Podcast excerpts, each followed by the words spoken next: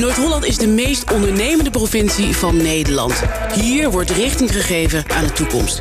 Maar door wie? Wie zijn die mensen? Wij noemen ze de aanvoerders. Mijn naam is Ger Welbers en vandaag is mijn gast Jacoba Bolderij. Jacoba is algemeen directeur van Port of Den Helder en dat is de haven van Den Helder. Met een vader die werkte in de offshore kreeg zij de wereld van de havens al met de paplepel ingegoten. Via een havenbaan in het buitenland is hij uiteindelijk ruim drie jaar geleden aangekomen in Den Helder.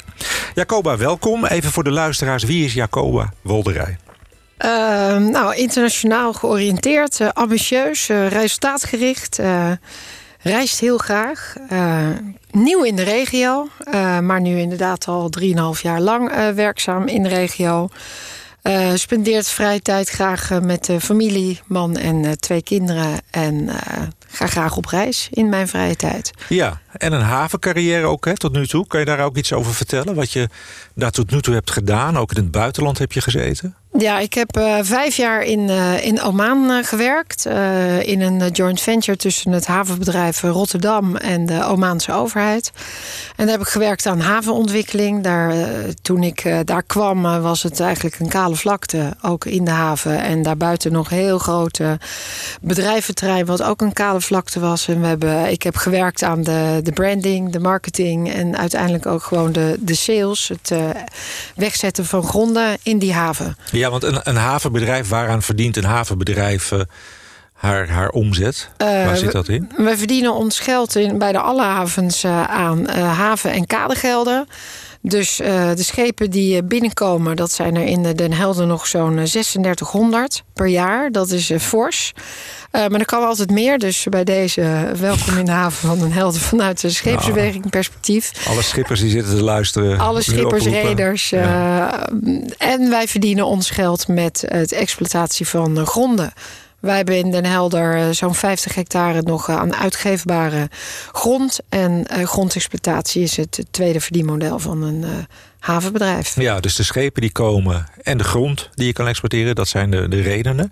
Nou zat je in het buitenland bij een heel mooi bedrijf met erg veel mooie perspectieven. Wat is dan voor jou de reden geweest om naar Den Helder te gaan ruim drie jaar geleden? Uh, de reden van waarom ik daar naartoe ben gegaan is dat er een heleboel dingen samenkwamen eigenlijk voor mij. Ik heb voordat ik naar Oman ging in de diplomatieke dienst gezeten bij Buitenlandse Zaken. Daar heel erg bezig geweest met energie. Uh, en bedrijfsvestigingen van Nederland weliswaar naar uh, Maleisië in de tijd. Maar daarvoor was ik ook heel druk bezig bij het ministerie van Economische Zaken, ook op uh, energiegebied, in de afdeling energie, zoals dat heette. En uh, dat in aanvulling op mijn carrière in het Midden-Oosten in de haven. Daar kwam eigenlijk die twee onderwerpen samen met nog een stukje verleden. Je noemde al in de aanleiding of de inleiding dat mijn vader al in de offshore zat. Ja. kwamen eigenlijk een aantal dingen bij elkaar waarvan ik uh, dacht. Uh, nou, ik dacht nog niet, het is een teken. Maar ik dacht wel, dat is toch wel heel grappig en interessant dat dat allemaal samenkomt eigenlijk in één baan.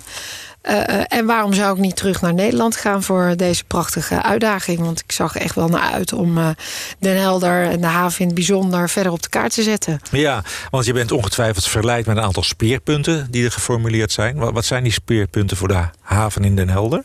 Nou, ontwikkelingen. We zien uh, in de, deze haven gaat eigenlijk met name over de belevering uh, en de bediening. In, in, het Engels operations en maintenance van allerlei assets op de Noordzee, platforms. Uh, en wij zien uh, dat door de energietransitie uh, dat natuurlijk gaat veranderen. De, maar wat doen die platforms op de Noordzee? Nou, die produceren of zoeken naar gas. Okay, en ja. uh, daar is het grootste deel, grootste deel van de gasproductie in de toekomst ook zal van de Noordzee komen. Dat gaat ook nog decennia lang door. En onze haven is al sinds uh, de jaren zeventig eigenlijk uh, de hub, de offshore operations and maintenance hub, zal ik dat maar noemen, voor de Noordzee. Want hoeveel platforms staan er ongeveer? Ja, er staat nog nu iets van 150 installaties, moet ik het noemen. Okay. Het zijn niet allemaal platforms, hè, maar voor de beeldvorming praat dat wat makkelijk. Installaties op de Noordzee die uh, niet allemaal meer, maar uh, een heleboel nog wel dagelijks worden, moeten worden voorzien van allerlei materiaal, mensen, middelen om die assets in goede staat van onderhoud te houden. -hmm. Nou zeg je zelf al van de, de gas zal nog wel een tijdje doorgaan. Vanaf de Noordzee. Dat zullen we nog wel blijven exploiteren. Maar het langetermijnperspectief, uh, als we minder gas gaan winnen... wat ga je dan doen als haven Den Helder? Nou, wij zien eh, voor ons dat we dat eh, met het bedrijfsleven natuurlijk eh, in onze stad, die daar zich in heeft bekwaamd, dat wij diezelfde operations en maintenance hub kunnen blijven. Maar dan naar de toekomst toe wind op zee. Het kabinet heeft tot 2030 een hele mooie agenda klaargezet. die gaat over de uitrol van windparken op zee. Zo'n 1 tot 2 eh, gigawatt per jaar wordt erbij gebouwd. Hoeveel van die molens zijn dat? Ja, dat zijn er duizenden. Dat zijn er echt heel veel. ja. En uh, de onderhoudsintensiteit zal anders zijn, maar de, de hoeveelheid die er tot 2030 neer wordt gezet en daarna uh, ja, behoeft ook allemaal weer uh, activiteiten. En uh, wij denken dat wij zien, voorzien, en dat hebben we ook onlangs bevestigd gekregen middels een rapport TNO, wat specifiek gaat over de locatie Den Helder en wat de rol van Den Helder, de haven van Den Helder kan zijn ten opzichte van die nieuwe activiteiten op de Noordzee. En dan heb ik het nog verder naar de toekomst ook over waterstof. -hmm. dat die aanzienlijk is en dat dat eh, Den Helder daar echt een hele mooie positie en een hele mooie rol in kan spelen. Waarom is die positie van Den Helder zo goed als je kijkt naar die energietransitie? Uh, Heeft dat met de wind te maken? De beste wind daar? Of de meeste ruimte op zee? Of? Uh, voor de windparken op zee, nou dat is ruimte op zee die er is. Uh, en uh, ongetwijfeld ook windrichtingen, snelheden, et cetera. Diepgang ook. Hè. Het waait ook altijd. Het waait er altijd. Ja. Maar dat heeft, de locatie van een windpark heeft op zich niet zoveel te maken met een helder, maar wel andersom. Uh, wij als Den Helder zijn heel goed gepositioneerd ten opzichte van die windmolenparken die voor onze kust Kijk, komen. Ja. En uh, dat is een locatie, locatie, locatie. We liggen heel dichtbij bij die windparken. Met name de windmolenparken die nu in aanbesteding komen vanaf 2019 en uh, tot 2030. Dat gaat allemaal eigenlijk binnen ons uh, rijkwijdegebied uh, plaatsvinden. Mm -hmm. En, en, de bedrijven die er nu zitten in de haven, dat zijn dus veel bedrijven die die, die platformen voorzien en onderhouden. Zijn dat ook de bedrijven die straks die windmolens en die windmolenparken gaan uh, onderhouden? Ja, zijn het hetzelfde bedrijven of krijg je andere bedrijven dan? Er zullen ook andere bedrijven zijn. Daar hopen we natuurlijk ook op dat er ook andere bedrijvigheid eh, bij komt. Maar het havenbedrijfsleven, wat uh, zich voorheen alleen uh, zich met de gas uh, in het kort bezig is, is allemaal nu en-en. Ze allemaal diversificeren naar die andere markten, hun businessmodellen aan te passen en te optimaliseren, ook voor die nieuwe markt. En die nieuwe markt is, dan, is dan windenergie, maar is ook waterstof. Hè? Dat zei je net ook ja. al even. Waterstof waterstof wordt belangrijk. Uh, de vraag die, die ons wel eens bezighoudt is... je hebt enorme uh, pijpleidingen daar liggen. Er ligt een hele infrastructuur. Als het gas minder wordt, is die infrastructuur dan ook te gebruiken... voor, de, voor het transport van waterstof? Of zijn het hele verschillende dynamieken? Nee, daar wordt uh, door een organisatie genaamd Next Step uh, veel onderzoek naar gedaan over wat het gebruik kan zijn voor beide toepassingen. Maar het is wel helder dat er een hele sterke behoefte is om die uh, installaties die nu op de Noordzee staan, om die niet allemaal af te breken, want dat kost enorm veel geld. Dus mm. iedereen uh, is op zoek naar hergebruik van die installaties, inclusief uh, de pijpleidingen, dus de infrastructuur op de Noordzee. En dat kan ook. En als je nu ziet dat al het gas, bijna al het gas van de Noordzee, komt via pijpleidingen aan in de kop van Noord-Holland, in Den Helder. Uh, dan is er uh, heel veel voor te zeggen om die infrastructuur te her te gebruiken. En dat kan ook. Of voor uh, de productie van waterstof op zee en dan waterstof middels die pijpleidingen aan land te brengen. Dan wel de tussenvorm. we beginnen met de blauwe waterstofontwikkeling in Den Helder. En zorgen dat de afvang van CO2 teruggaat via die pijpleidingen naar de Noordzee. Dan Wat is blauwe waterstof precies? Blauwe waterstof, je hebt uh, grijze, blauwe en groene waterstof. Grijze waterstof is waterstof die uh, opge opgemaakt, opgewekt wordt door, uh, met gas, maar waarbij CO2 gewoon geëmiteerd blijft worden.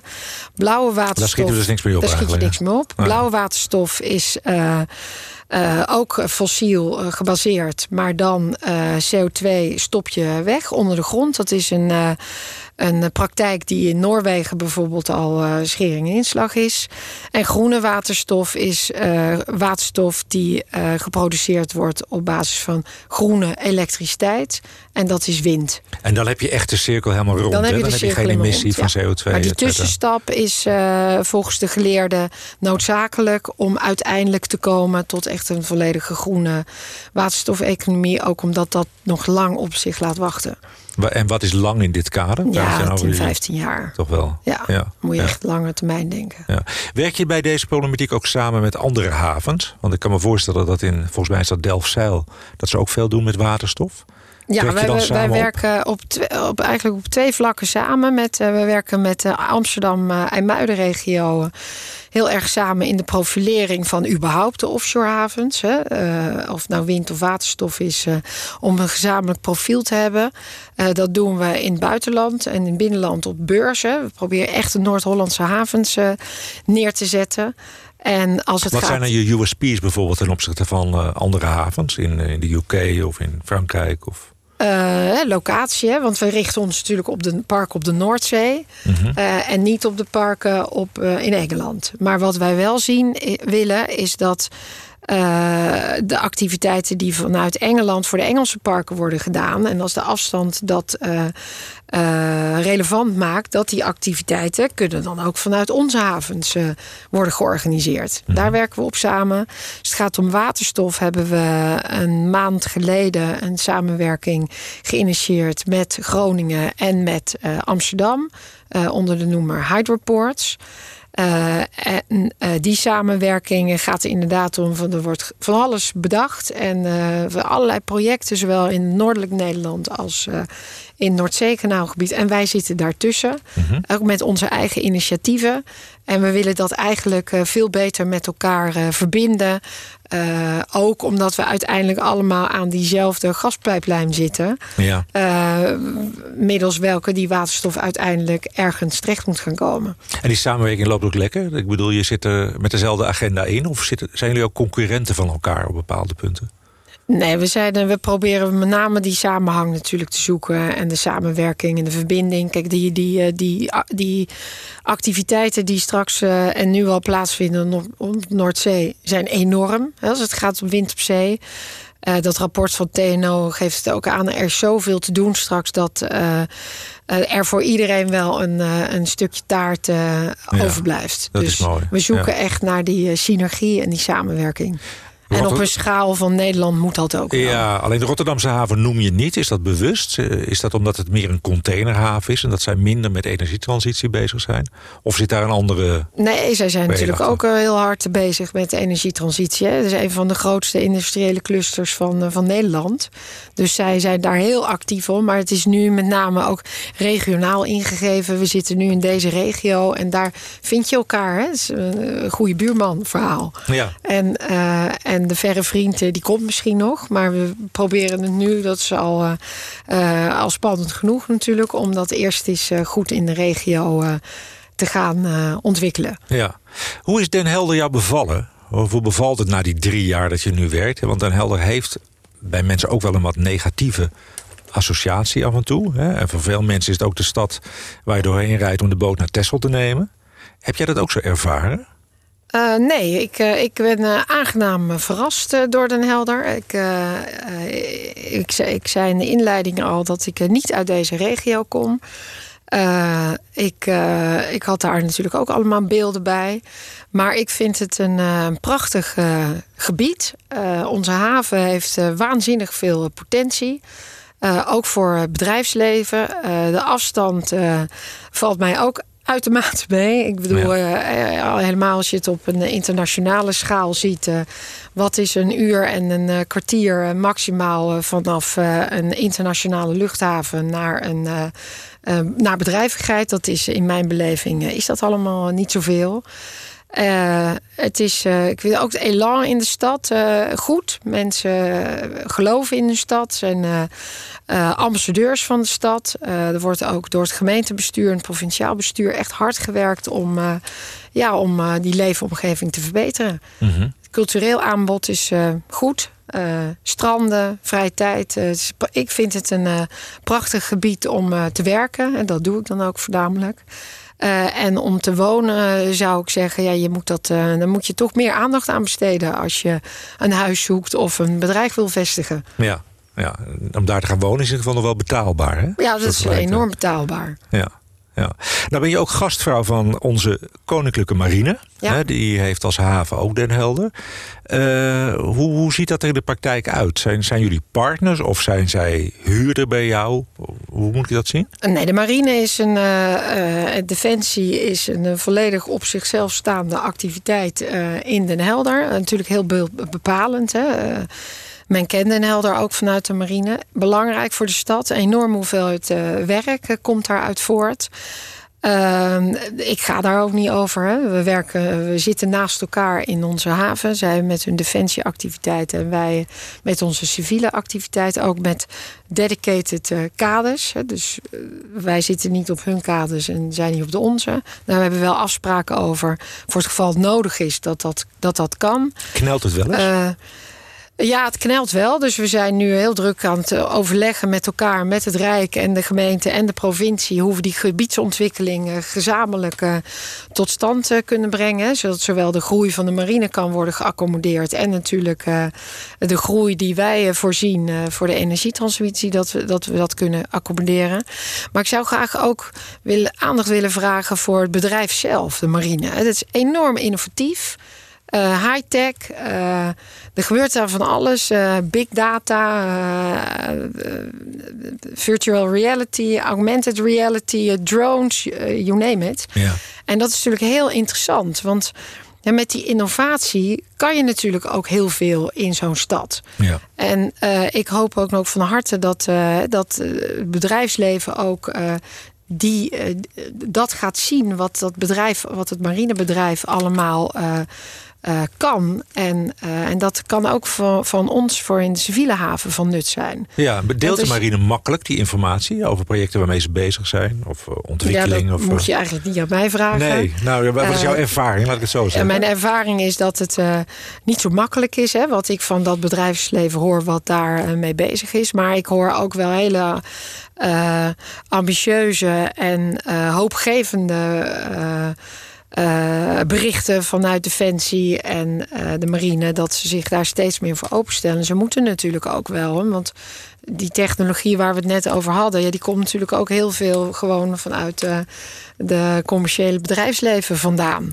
Ja. En uh, nou, ik denk dat dat heel goed is voor Den Helder. Want dat, je moet je ook niet alleen profileren als defensiestad of als offshore stad, maar ook als innovatie, als uh, hoogtechnologisch. Dat zou je graag willen. Dat ja, Den Helder zo gezien werd. Ja wordt als, als een stad waar heel, het is ook Aan die marine hangt ook een, een, een wetenschappelijk onderwijsinstituut vast. Hè? Het KIM is gewoon WO, Universitair Onderwijs. Ja. Dat is heel belangrijk dat, dat we dat in beeld uh, houden. Ja, dus, dus jullie werken, of jullie zitten allebei in die haven, maar dat gaat op zich goed, die samenwerking. Zijn er ook uh, specifieke projecten waar je echt zegt, nou daar werken we inhoudelijk ook samen? Of zijn die werelden dan toch nog wel ja, dat is de, gebieds, eh, de gebiedsontwikkeling. Dat is echt het creëren van uh, vierkante meters, uh, strekkende meters uh, kade.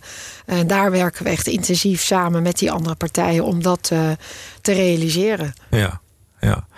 Jacobe, de tijd zit er alweer bijna op. En dan is mijn laatste vraag altijd: ehm, welke vraag heb ik jou nog niet gesteld en had ik wel moeten stellen? Nou, eigenlijk waar we over tien, tien jaar zouden we moeten zijn met deze stad. Ja, of waar ik. Nou, ja, ik ben wel benieuwd hoe je daar naar kijkt. Ja. ja. Nou, ik zou heel graag zien dat we over tien jaar een, uh, een stad hebben die, uh, waar die offshore. Uh, volledig is ingebed. Hè? De offshore uh, op het gebied van energietransitie, wind op zee. Dat we echt uh, de belangrijke operatie- en onderhoudshub zijn voor wind op zee. Uh, en dat samen eigenlijk met waar we het net kort over hadden, met die uh, innovatie, technologie, technologie, uh, ambities die de marine heeft, of die, waar zij vorm al aan geven al jarenlang, omdat je daar een beetje gaat zwaluwstaarten. Ja. Het gaat ook over onderhoud natuurlijk, allemaal nieuwe manieren om het onderhoud van, van die windmolenparken en het toezicht op die windmolenparken en het wat er allemaal omheen gebeurt, dat dat echt een soort samen, samenkomt Ja. ergens. Nou, daar ga jij hard aan werken. Ja, daar ga ik heel hard aan werken. Ja. Daar werk ik al heel hard aan. Ja, zeker. Nou, ik vond het een ontzettend inspirerend verhaal. Dankjewel voor de komst. En laten we over enige tijd weer eens bijpraten hoe we er dan voor staan. Heel hartelijk bedankt. Dank je. Dit was De Aanvoerders, een podcastserie van NH Media.